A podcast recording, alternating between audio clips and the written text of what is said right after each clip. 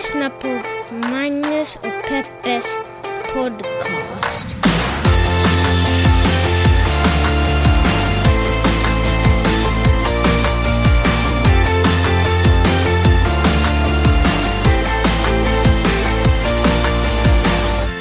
What's up internet och hjärtligt välkomna till Magnus och Peppes podcast. 2017 är fortfarande ett faktum, Magnus och Peppes podcast är fortfarande ett faktum, jag är ett faktum, Peppe är ett faktum och eh, jag är så himla glad att ni är med oss även denna vecka. Andra veckan i januari. Snackar jag skit nu? Nej, jag talar sanningen. För en gångs skull. Fick faktiskt ett mail om att vi ibland snackar skit i podcasten, om att saker vi säger inte nödvändigtvis är sanna. Eh, Jag skulle vilja bara slänga in, det- är ju befogad kritik, för ibland går det snabbt när man pratar och man eh, kanske bortser från vissa element för att bara nå fram med poängen i det man försöker säga. Och ibland så fuckar man bara upp, så är det. Det är inte meningen. Men det betyder inte att det är direkta lögner vi säger här. Det är åtminstone ingenting vi eftersträvar att säga och ingenting vi försöker låtsas vara nonchalanta med heller. Men jag skulle också vilja bara poängtera att den här, äh, den här podcasten, med tanke på hur den är och hur den är utformad, är ganska mycket också en färskvara. Det vill säga att saker som vi pratar om kan vara baserat på saker som vi läste just nu. Och sen kan det mycket väl komma ny information dagen efter som gör att det vi säger är lite förlegat. Ett sätt att hålla sig lite ajour med eh, saker vi pratar om och uppdateringar på saker vi pratar om är till exempel gå in på vår Flipboard-sida, flipboard.com och så går man in på Magnus och Peppes podcast och där så lägger, eh, jag höll på att säga vi, men det vore en lögn faktiskt och eftersom vi nu ska hålla oss till sanningen så lägger Peppe upp ganska mycket artiklar om eh, det vi pratar om och andra saker också som är intressanta för er att läsa om för att hålla er ajour med er omvärld. Och där ser ni också vad vi eventuellt baserar våra siffror eller våra, eh, du vet, inom citationstecken fakta som vi presenterar. Sen ska jag också tillägga att det här är inte en nyhetspodcast på det sättet. Det vi pratar om här är våra egna åsikter. Eh, Och våra egna det är analyser. en åsiktspodd. Men vi försöker basera dem på, eller vi baserar det vi säger på det vi har läst. Mm. Jag såg att DN hade börjat skriva, i slutet på sin artikel så skriver de också typ sådär, precis som Kit gjorde, att de skriver eh, eh, det här är ett undersökande reportage, bla bla bla. Du vet, de försöker ge någon form av lite kort information, som är den nya trenden verkar det som inom skrivande journalistik. Jag längtar efter den dagen då Hufvudstadsbladet, förutsatt att de nu inte har gjort det redan, eh, börjar med en sån grej. Det skulle vara asgrymt, för jag tror att det är en rätt trend. Eller Yle. Eller eller alla, alla som ägnar sig åt nyhetsmedia, eh, riktig nyhetsmedia det vill säga. Eh, jag gillar den grejen, att man beskriver vad det är man pysslar med, lite bakgrund till hur man har kommit fram till eh, innehållet i artikeln och så. Nu kommer jag förresten på vad vi skulle tala om som... eh, Eftersom lyssnarna faktiskt har undrat. Ni har ju suttit där ute och undrat vad är det ni ska tala om? Och så jag är så himla på glad att du tre minuter in i podden nu kom på vad det var vi skulle prata om. för du vet att vi sitter i bilen och pratar om saker ibland och så är vi sådär att... "Åh, Och det här borde vi-" sjunger. Och det här, ja, precis. Sjunger. Kolla, vår, kolla min Instagram ibland för roliga carpool karaoke. Eller roliga, roliga. Det är ju mest du som är rolig. Självuppfyll, eller sådär ego... Ja, skitsamma, berätta. Det är mest pinsamt. I alla fall, det som vi talar om är hur eh, o, att vara obildad har glorifierats. Och på vilket sätt det skiljer sig från en tidigare generation. Just det. Eh, ja, precis, det pratade vi om. Ja. Du, du vill inte börja det här eftersom det handlar lite om min pappa, eller vad? Nej, nej, nej, det var inte det. Jag tänkte bara för att jag håller på att lyssna på en ljudbok som handlar om eh, von Fersens liv. Axel von Fersen. Och eh, på den tiden, då snackar vi mitten på 1700-talet, jag kände att jag ville inte gå in och du vet, börja prata om det här och så backa tillbaka till mitten på 1700-talet. För det var ju så mycket korkat som hände på den tiden också. Men jag bara, det var någonstans när vi började prata om det där så slog det mig, okej, så Axel von Fersen inleder ungefär ganska mycket sitt liv i tidig tonåring genom att han tillhör en av de rikaste släkterna i Sverige. Så det här är liksom inte var mans grej som händer i hans liv. Men han skickas ut, som tydligen var inte helt ovanligt bland superrika äldsta söner och barn överhuvudtaget, skickas ut i Europa på en, liksom, en skolningsturné, ska man kunna säga.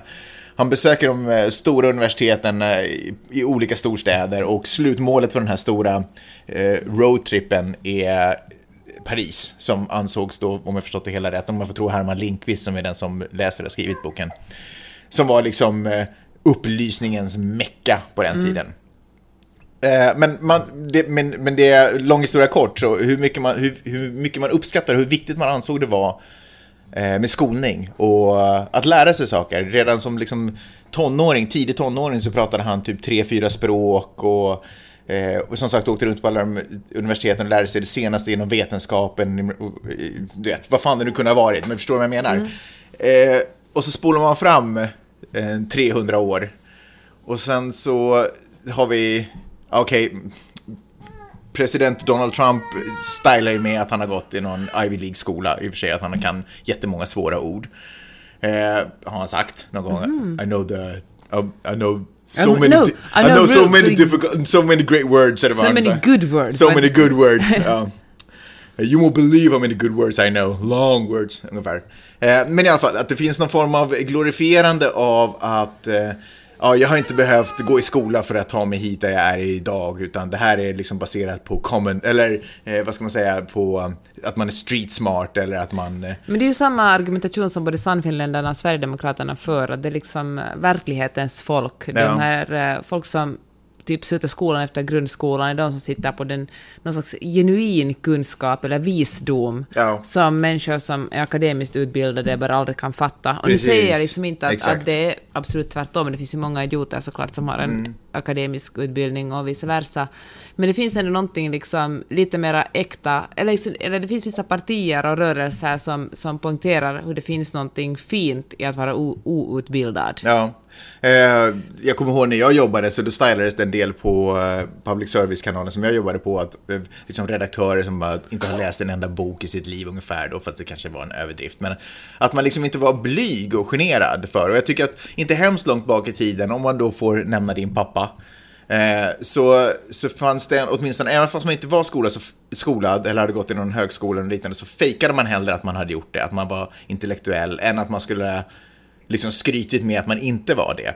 Mm. Och vad jag egentligen tror att allt det här beror på är ju en, det är ju dels någon form av lättja, eh, men jag menar inte att man är en soffliggare, utan jag menar att, det, att man är, om jag säger så här snarare, att jag tror att det handlar om, jag tror att det här går hand i hand i, med hur tävlingsinriktat vårt samhälle har blivit.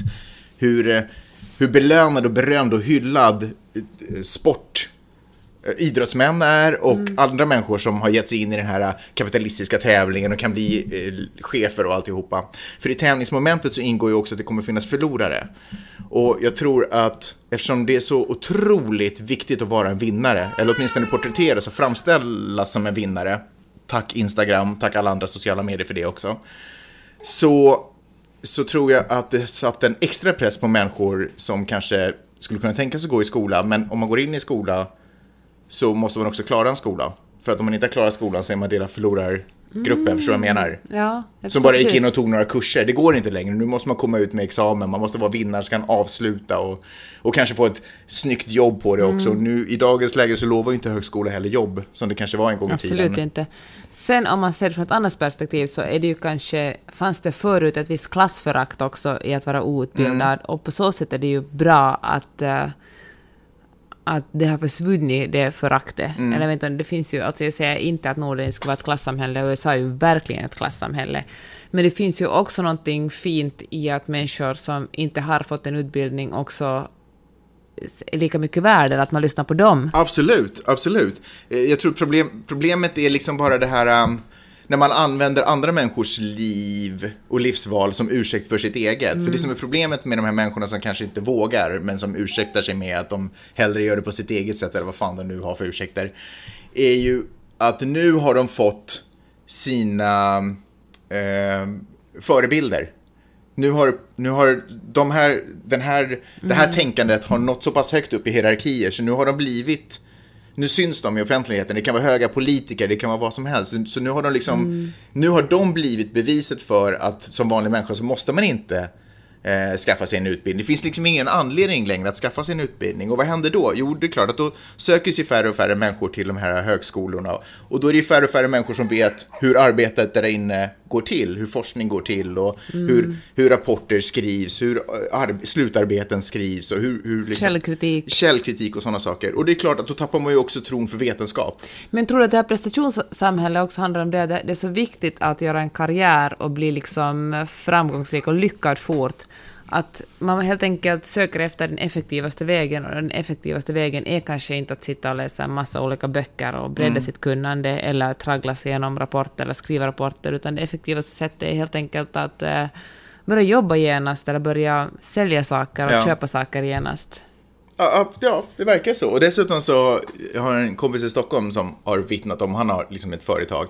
Och han berättar att när, liksom, när han försöker hitta nya unga människor som skulle kunna komma in i företaget och kanske förnya det och vara lite sådär på och lite ajour och få in en ny, ge, bidra med en ny kraft. Så vill de här unga människorna som kommer in, de vill liksom genast komma in på en cool position och ganska hög position som liksom inte riktigt är befogad, som oftast har krävt antingen att man har jobbat väldigt länge och väldigt liksom in sylt, eller liksom man, man har, eh, att man har varit längre i, länge i branschen och liknande. Eller att man har pluggat och liksom har någon form av du vet, teoretisk kunskap åtminstone. Men, men inget av det där liksom gäller. Det finns en här förväntan om att man bara kan glida in och göra den här blixtkarriären. För dagens ungdom. Ja, jag vet inte om det är riktigt bara dagens ungdom. För, alltså, jag, är ju, jag känner ju att jag är nog eh, den här missing linken till det här förfallet. För jag har inte heller skaffat mig en färdig utbildning. Och har också bara glidit eh, omkring på rekskal känns det som ibland. Och fått ett jobb här och lyckats arbeta mig fram. Och, och liksom nästan liksom också tyckt mig, vadå? På räkskal. På en räkmacka. Där ser man. Om du skulle ha haft en utbildning skulle du kanske veta det korrekta uttrycket. jag glider runt på en räkmacka. Räkskal känns ju, känns ju Mer halare. logiskt. Glider runt på ett bananskal. Ja, nej men och sen motiverat det för mig, eller förklarat det för mig själv, hitta på ursäkter och förklaring till varför det är som det är och varför det har varit positivt att jag inte liksom har haft en riktig utbildning för att sköta mitt jobb. Så att sånt tänkte jag om, angående det. Och allting började med Axel von Fersen. Å andra sidan, kolla på mig, jag har ändå två magistersutbildningar och hur bra går det för mig? Här sitter jag och försöker sälja in texter för spottstyvrar. Ja, men det här är just det som är grejen. Eh, utbildning och forskning och vetenskap är ju inte en del av tävlingssamhället. Det har dragits in i det därför att fucking skit händer och det har blivit så pass överväldigande här. Med att tjäna stora pengar och alltihopa. Men det är ju inte egentligen en del av den traditionen. Att lära sig saker är ju en långsam process. Det är ju liksom en... Eh, det är ju någonting man gör för livet, så att säga. Det är inte någonting som man gör ett bokslut på och räknar hur mycket pengar man fick för det. Utan, så därför så, så det kan ju se konstigt, det kanske ser eländigt ut och kanske inte är en, och kanske inte är en motivator för unga människor till varför man ska skaffa sig magisterutbildning. Men utbildningen är inte för att tjäna pengar. Utbildningen är för att vi ska kunna bygga ett bättre samhälle hela tiden, för att vi hela tiden ska lära oss mer och ta tillvara på den kunskap som andra människor har gjort genom tiderna, eh, landa i den och bygga vidare på den. Därför har vi utbildning, inte för att vi ska kunna tjäna dollar och cent.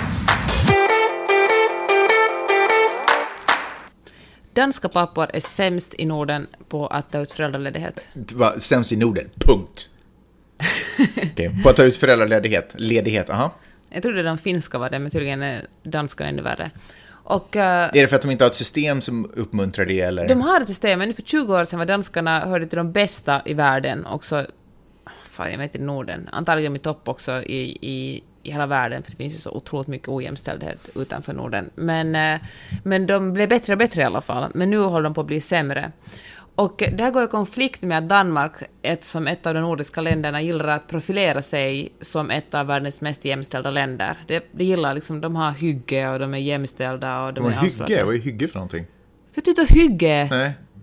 Det Är är det danska för hygglig eller? det är för mys. Det finns liksom inget exakt ord för det, men det är liksom... Det har du blivit dansk eh, språkvårdare The Atlantic har en jättelång, uh, jättelång artikel om det här. om hygge. Eller var det The Guardian? Det var någon tidning. Jag kommer ihåg för vi försökte tala om det här i mellan raderna-podden, men du klippte bort nästan allting.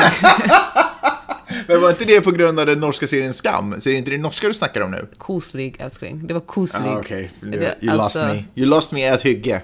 Så i Danmark råder det konsensus om att det är ett jämställt land, men i Mhm. praktiken är det inte alls det. Som säkert, det här gäller säkert också Alltså män och kvinnor är övertygade om att Danmark är ett Ja, så jämställt är land. allmänt är man så att vi är ja, jämställda. ja. Så som man talar i Sverige och i Finland också. Finland hänvisar man ju alltid till att vi har haft en kvinnlig president och vi hade en kvinnlig statsminister i fyra sekunder och vi hade mm, rösträtt, en av de första världen som hade rösträtt och så vidare. Men eh, det visar sig att det stämmer ju inte alls. Egentligen är alla de här länderna ganska Det börjar lite, eftersom det ändå har gått några år nu, sen alla de här sakerna du räknade upp om vi ska vara helt ärliga, så börjar det lite kännas som när man har sådär diplom för bästa restaurang 2013 och det är Ja. 2017 nu. Man bara, åh, nu får ni... Om man måste börja damma av jättemycket sina diplom, då, jag vet inte, Ja. då är de inte fräscha.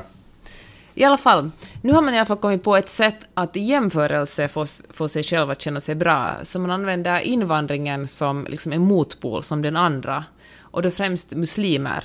Man är sådär, ah, vi är jämställda, men eh, muslimer är så jäkla ojämställda, de får inte komma hit, för att alla vet ju hur denna muslimer är som eh, Gentemot sina hustrur och sånt. och sina flickebarn och, och det ena och det andra. Och eh, så nu får, nu får, ja nu, nu muslimer den andra och då, då kan alla nord, nordbor känna sig bra för att jämfört med dem, de där onda invandrarna, så då, då är vi ju alla superbra och då behöver man liksom inte ta tag i sitt eget problem med våld i hemmet och att kvinnans lön fortfarande är liksom bara en, en del av, av eh, Alltså jag har inget problem med men vi är bara så olika. Men precis. Och det här, någonting, det här är inte ett problem bara i Danmark, utan lika mycket i Sverige. Den här rapporten som jag läste, eller det fann ingen rapport för väl, det var liksom bara ett utdrag ur en rapport eller en sammanfattning av den, sa att i Sverige använder man, är man mer liksom politiskt korrekt när man talar om de här sakerna, så man liksom bäddar in den här diskussionen i ett, eh, i ett sakligare format, medan man i Danmark fortfarande kan vara liksom, som säkert i Finland också, mer så brutal och säga att, att de där jävla muslimerna det är deras fel allting. Och på så sätt får man bort diskussionen från landets egna problem. Jag tycker det är obehagligt och eh, ganska tydligt att den här rapporten har rätt. Kanske förra gången så konstaterade vi, nej eller vänta, var det förra gången som vi konstaterade att finskan inte har ett ord för självinsikt? Nej, det, det konstaterade du i bilen med det mig. konstaterade jag i bilen med dig. Eh, Det kanske är så att, ja, tydligen så är det så att Finland, finskan inte har ett ord för självinsikt. Möjligen självanalys och, jag vet inte, självkänsla kanske. Men just självinsikt, som är ganska specifikt, eh, finns, kan, eh, finns inte i finskan. Kanske inte danskan heller har det. För är det inte just då när man inte ser, har insikt om sitt eget tillstånd som man inte heller förstår att en jämförelse med ett annat höjer inte mig eller påverkar inte egentligen alls mitt eget förhållningssätt. Ja, mycket möjligt. Jag tror att det är något som man inte vill se. Jag tror att liksom det är lättare att på något sätt skylla på någon annan och föra över fokus på någonting annat. Det är ju också ett klassiskt argument när man talar om feminism, säger man ju folk ju som är väldigt oengagerade i jämställdhet och rättvisa, är alltid sådär att man tänker på alla kvinnor i Afghanistan och Sudan och, och alla andra ställen i världen där man är mindre jämställd än, än i vårt land. Sätter fokus på dem istället. Det är ju liksom lättare att, att flytta bort problemet så att man själv behöver ta tag i det. Och, och, eller så att man själv inte behöver vara en del av problemet, vilket ju vi alla är. Vi alla är en del av en ojämställd struktur. Modern, modern, mod, modern psykologi skrev om hur eh, omänskligt det egentligen är att separera nyfödda från sina mammor. Och då tänker jag främst på prematurer som man sätter i kuvöser som ska värma upp dem. Tydligen, han, den här... eh, Så ska jag värma. Det låter som en jävla mikrovågsugn, mikrovågsugnar. Men det är ungefär vad det är. Ja, kanske. Typ så ska det inte komma några bobbor och bakterier på Nej, jag dem. vet. I alla fall, men tydligen så, så enligt en forskare så är det här väldigt, väldigt dåligt. Att de här barnen som är prematurer utvecklas mycket snabbare och mår mycket fortare bättre om de bara läggs på sina mammor än Mhm. om de ligger i kuverser. Och han sa att, gjorde en jämförelse till... Vem var det som hade gjort det här? Han heter Ove Ewald, Okej, en, en vad forskare. han? Okej. Han är Neuroscience for Improved Neonatal Outcomes. Han är läkare Okej. i Kapstaden i, i Sydafrika, för att göra det mer specifikt för dig.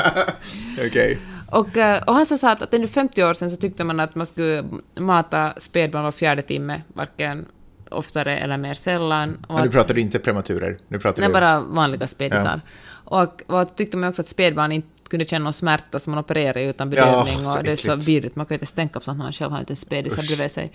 Och, eh, och en massa andra galna saker som vi idag är så att men herregud, hur kunde man tycka så? Och det är ändå bara 50 år sedan.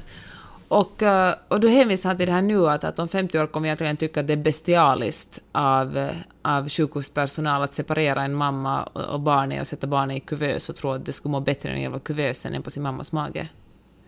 Intressant va? Ja, men ja, jo. Det bara låter ju mer praktiskt liksom. Men eh, okej. ja. Men man får sova bättre utan en baby i sängen. Ja, jag tänker att eh, man kan, mamman kan ju inte gå omkring med bebisen på magen hela tiden. Ändå. Om kängurur kan, varför skulle inte människor kunna? Det är för att vi har inte så starka bakben. Nej men visst kan man ju de första dagarna Ja, okej, kan man ju ja, ja, ja. liksom gå med den där ungen fastlimmad på kroppen. Och sen kanske kan pappan limma, det är säkert ingen limma Fast ungen på tycker inte- kroppen jag- han också, det är ju ingen skillnad liksom Jag fattar du vems se- kropp det är. Jag- Eller det är ju en skillnad vems kropp det är, men...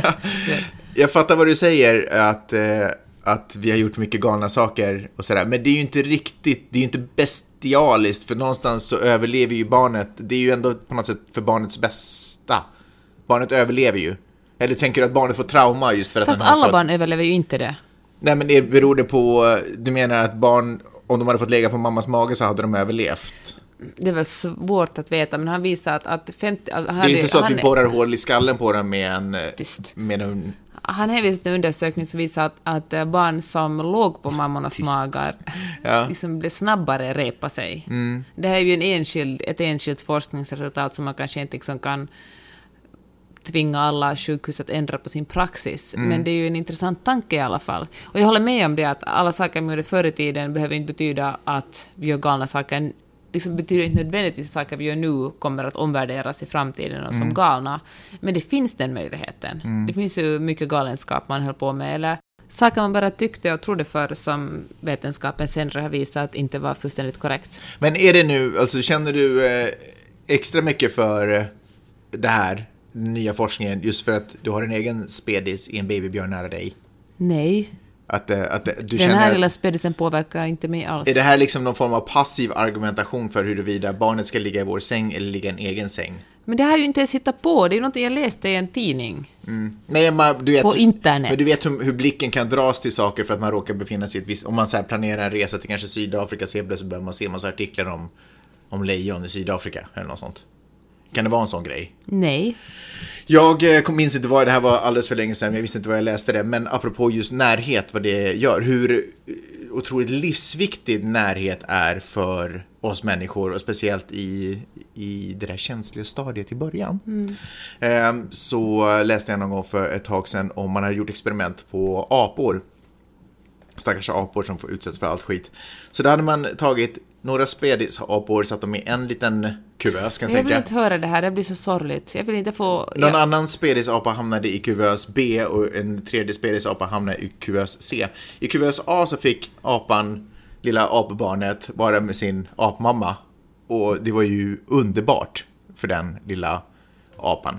I kuvös B, jag säger kuvös, det var knappt ens kuvös. men tala snabbare, Okej. du vet att det kommer att bli äckligt mot Okej, slutet. i kuvös B så fick en liten apa vara med en liten mjuk eh, apdocka. Eh, och, och den tydde sig jättemycket till den här mjuka, liksom kurade upp sig mot den. I kuvös C så var ju det, naturligtvis det fruktansvärda. Så då var det bara liksom typ, nu minns jag inte exakt vad det var, men i princip föreställer det en planka med spikar som kommer ut.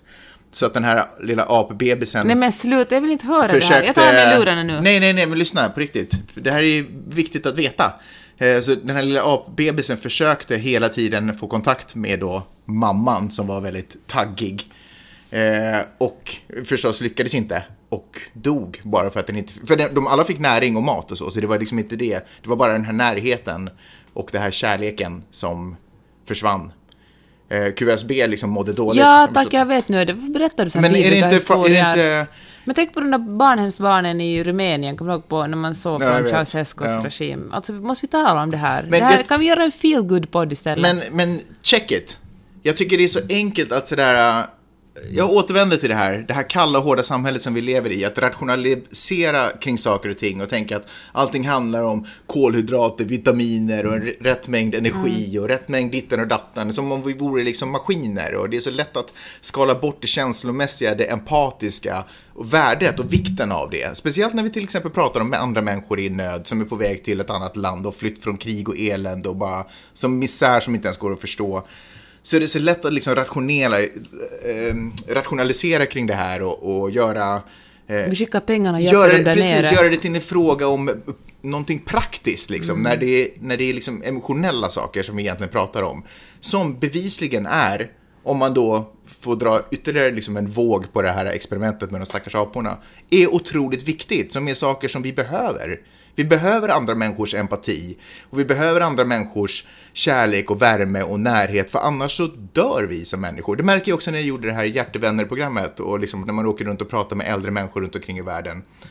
Nej, äldre människor omkring i Finland. Din värld alltså. Min lilla bubbla. Eh, att människor som har förlorat sin eh, den personen som har stått för närhet och, och värme och kärlek när de har förlorat den partnern och står ensam och helt plötsligt står utan allt det här och det inte helt plötsligt finns en annan människa som kan sätta en hand på en axel eller bara ge hud mot hudkontakt liksom. Så, så börjar de må dåligt. Så börjar man må dåligt och går sönder och dör sakta men säkert inombords. Även fast man får i sig alla vitaminer och alla piller och lyckas genomföra alla sjukhusbesök med liksom en grön checkbox. Jag kommer börja gråta. Förstår du vad jag tänker menar? de där aporna. Jag tror, stackars men jag tycker att det är, man får inte glömma det där för det är så... ehm, och, och vi, det är så lätt, ja, jag tycker ver- ja, så, jag sa det redan. Att vi verkligen befinner oss i en värld, i ett sam, lever i ett samhälle idag där, där man bara liksom tar bort allt det där, som om det inte betydde någonting. Bara dollar Ja. och cent hela tiden. Och plus att, äh, att godhet uppfattas som naivitet. Mm. Att om man, om man vill hjälpa tycker, de här, tycker folk att man, är, att man är naiv. Vilket är ju absurt alltså, utan empati, vad fan finns det liksom för, Mm. vad finns det kvar på jorden i så fall? Ja, ja jag, tror det, jag tror att vi lever i en extra vidrig... Jag, säger inte att världen har varit trevligare förr, men just nu är det nog en extra vidrig tid, tror jag. Jag tänker på mina egna upplevelser av, på, av att suttit på arbetsplatser. Och lön och sånt har ju naturligtvis alltid varit det viktiga, det man fokuserar på. En gång om året har de här löneförhandlingarna och det är liksom där som det, det har, liksom, energin har kretsat när det handlar om att skapa, eller liksom när det handlar om att motivera varför jag ska vara kvar på arbetsplatsen. Men någonstans så har jag också hört mig själv säga under personalsamtal, eller vad heter det? Heter personalsamtal? Men det här snackar Utvecklingssamtal. Man, utvecklingssamtalet som man har med sin chef.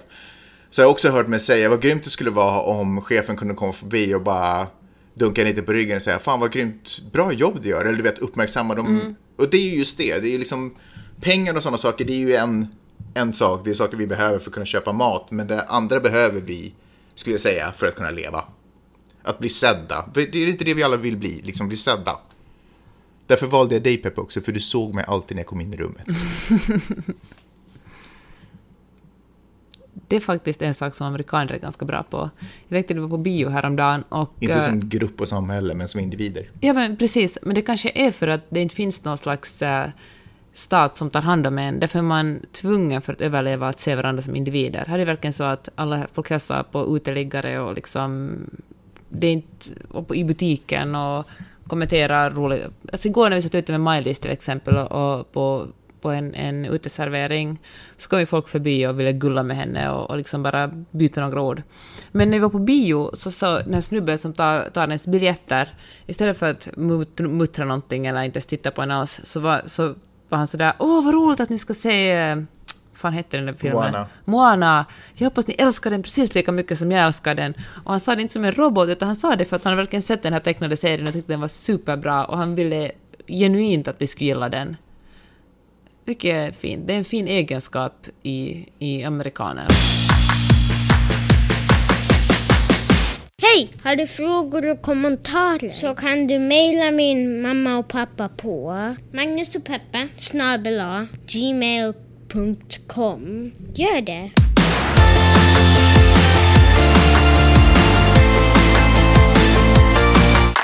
Jag läser på svenska YLE en sån här rubrik. Conan O'Brien hälsar till 100-åriga Finland. Stor satsning på jubileet i USA. Och då tänker man ju, fan vad roligt att USA satsar jättemycket på att Finland fyller 100 år i år. igen! Det gör de ju inte, det fattar väl vem som helst. Det finns ju en anledning till att den där rubriken är skriven på svenska YLE och inte liksom på CNN. Topp. Det är inte så att liksom New York Times toppar. Men jag tycker det är på något sätt rörande att det är så Och viktigt dessutom Conan O'Brien. What are the odds? ja, berätta. att det är rörande att det är så viktigt eh, för Finland att bli sedd Och där vi Ja, men det är talar det om vi just pratar om. Det, ja, det är det det handlar om. det är ju att liksom man existerar först när någon annan ger en bekräftelse. Ja. Och man kan säga sådär att ah, sociala medier, det är bara en äcklig bekräftelse, men jag tror att kanske någon sorts ah, bekräftelse är bra. Tänk om Finland kunde se den där kopplingen till eh, hur mycket det betyder för alla finländare att Conan O'Brien har pratat om dem. Om de kunde göra den kopplingen till hur man kan se på asylsökande som söker in till landet. Så tror jag att vi skulle ha en hel... Det skulle vara som om någon slog på en strömbrytare, eller skulle slå på strömbrytaren i Finland. Nåja, sen om man läste lite visade det sig att det inte är USA utan det är Finlands ambassad i Washington som satsar jättemycket Är det sant? Som har bjudit in Conan O'Brien kanske? för att ge en kommentar.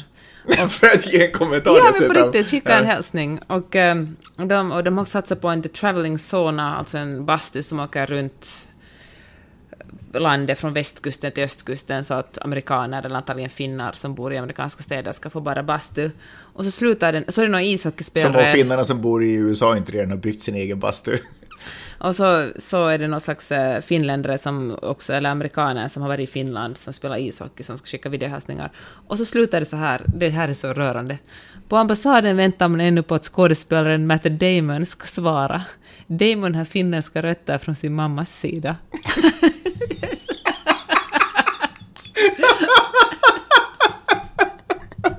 Oh shit. Men jag fattar rubrikerna sen när Matt Damon svarar, om han nu Ja. svarar. Tror du han kommer svara? Vad säger du? Jag tror faktiskt inte. Jo, han kommer Okej, säga, Finland han kommer land, säga Finland någonting. är ett land, ja, det är sant, han kommer säga någonting. När han väl har fått, eh, när han väl har fått mejlet skickat till sig Ja, från från sin press, publicist ja. som gått via sin agent, som har gått via sin tredje agent. Så, eh, och han får reda på att det handlar om Finland 100, Finlands 100-årsjubileum så kommer han att säga någonting. Nu vill jag inte sitta här och verka så himla världsvan för Matt Damon har aldrig hälsat till mig eller något sånt, men jag tycker det är så rörande att Finland är ett helt land, liksom med en egen stat, och det är ganska bra, jag menar Nokia och rösträtten fyller hundra år, jag menar jämställdheten och vet, det finns ju en massa saker som Finland verkligen kan vara stolt över. Närheten till Ryssland och till... Men att, det- men att Finland ändå blir som en osäker liksom, eh, tonåring Ja. och bara Hejsan, hejsan, jag, jag, jag, eh, jag kommer från Finland, eller jag är i Finland. Hej, jag söker herr Damon. och sen bara yes! Matt Damon likar min Instagram-bild! Men det, är liksom, det skulle kunna vara en rubrik att Finland har sökt med, det är liksom Finland har sökt med Damon för en kommentar. Det skulle kunna vara rubriken.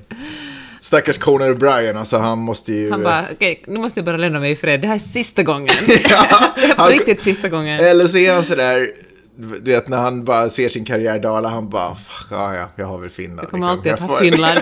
han, kommer ha, han kommer ha en talkshow i Finland om typ så här 20 år någonting. Ja. På Yle. Gulligt är det i alla fall, det måste man ju ändå ge Finland. Vi kan ju inte göra den här podcasten utan att tala om den norska TV-serien Skam, Nähä? Som du inte ville se Nej, med jag tycker mig. den verkar tråkig. Jag håller på att kolla på någon tonårsserie, Peppe. Väx upp, säger jag bara.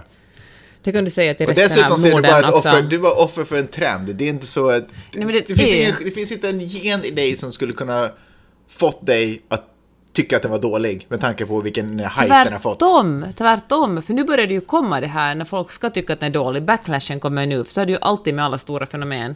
Någon hittar Det är din stora spaning genom livet, att Tyst, det går i, att tyst. du säger, Kan du en tyst nu? pendelrörelse. Det kommer en, den är för det första jättebra. Det kommer någon, liksom, folk som i oktober, november upptäcker liksom unga, trendiga människor TV-serien Skam, börjar kolla på den och sen långsamt kryper den vidare mot lite äldre, lite äldre.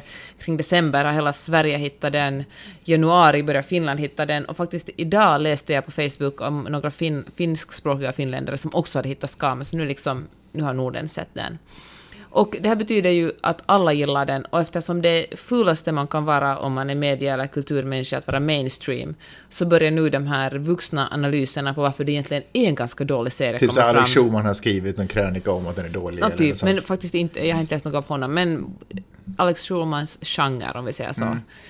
Och då tänker jag att hur, hur liksom hur det alltid måste vara så. Det är bra med kritik och liksom man ska kunna allt ska kunna tåla kritik och man ska kunna analysera allt och inte bara liksom gå blind in i någonting som bara för att alla andra tycker så. Men det känns ofta som den här kritiken, speciellt nu mot den här TV-serien Skam, är väldigt... eh, den går på väldigt tunn is. Det finns liksom väldigt lite som som riktigt håller. Det har kommit kritik mot att äh, kvinnorna där, eller flickorna, de är bara barn, är för snygga och för smala. Eller att, den är liksom, eller att inga föräldrar syns i den serien. Och det är ju allt liksom... Det är ju alltid på något sätt äh, stilistiska någonting som regissören har beslutat sig för att göra. Det här är liksom vårt stilistiska För att kunna grepp. berätta sin historia. Precis, vi har valt att inte ha med vuxna föräldrar. Det här är en serie där det bara... Eller barnföräldrar, haha. Eller, vi har valt att, att berätta allting ur de här barnens perspektiv och utesluta alla vuxna. Punkt slut.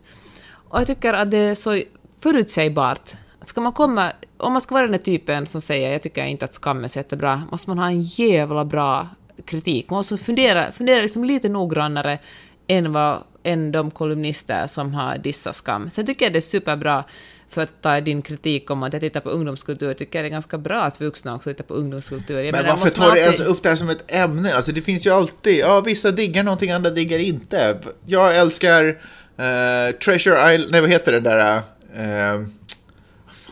Pirates of the Caribbean. Ja, no, den också. Okej, och vissa diggar inte den. So what? Det här är väl inget ämne för vår podcast?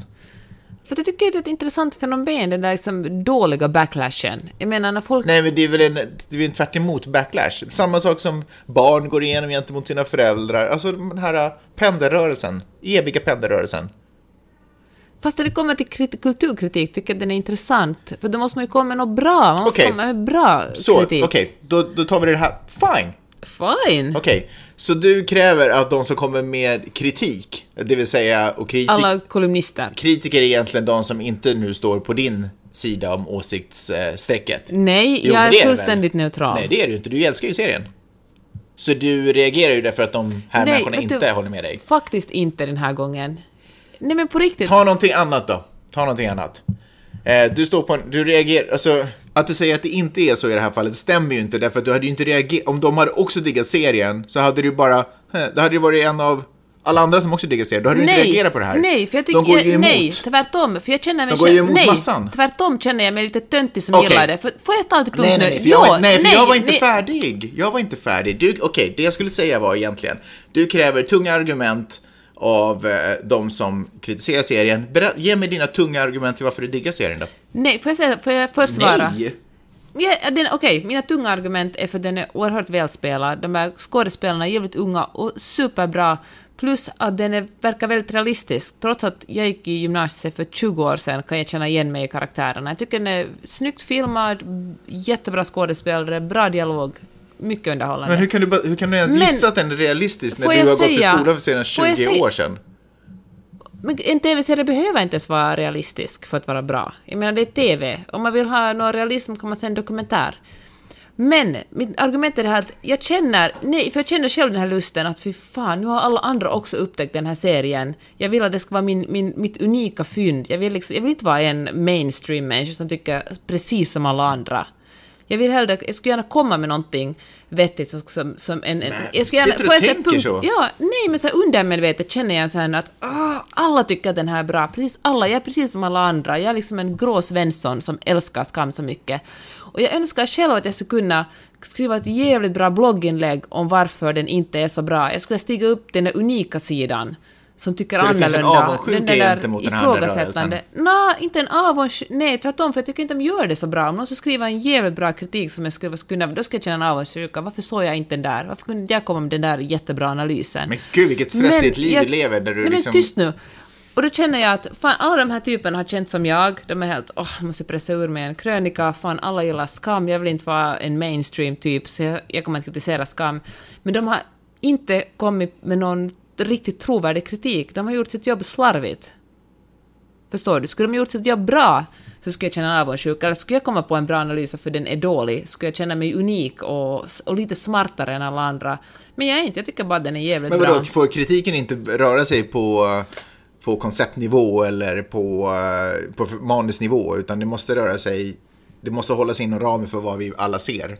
Det var absolut den, den får hålla sig på vilken För du tyckte nivå, det var en godkänt att inte till nivå. exempel kritiken har handlat om att, ja, jag skulle vilja ha mer, eh, inte vet jag, fula tjejer, jag vet inte vad det skulle kunna vara, men om nu kritiken var att alla är smala och snygga.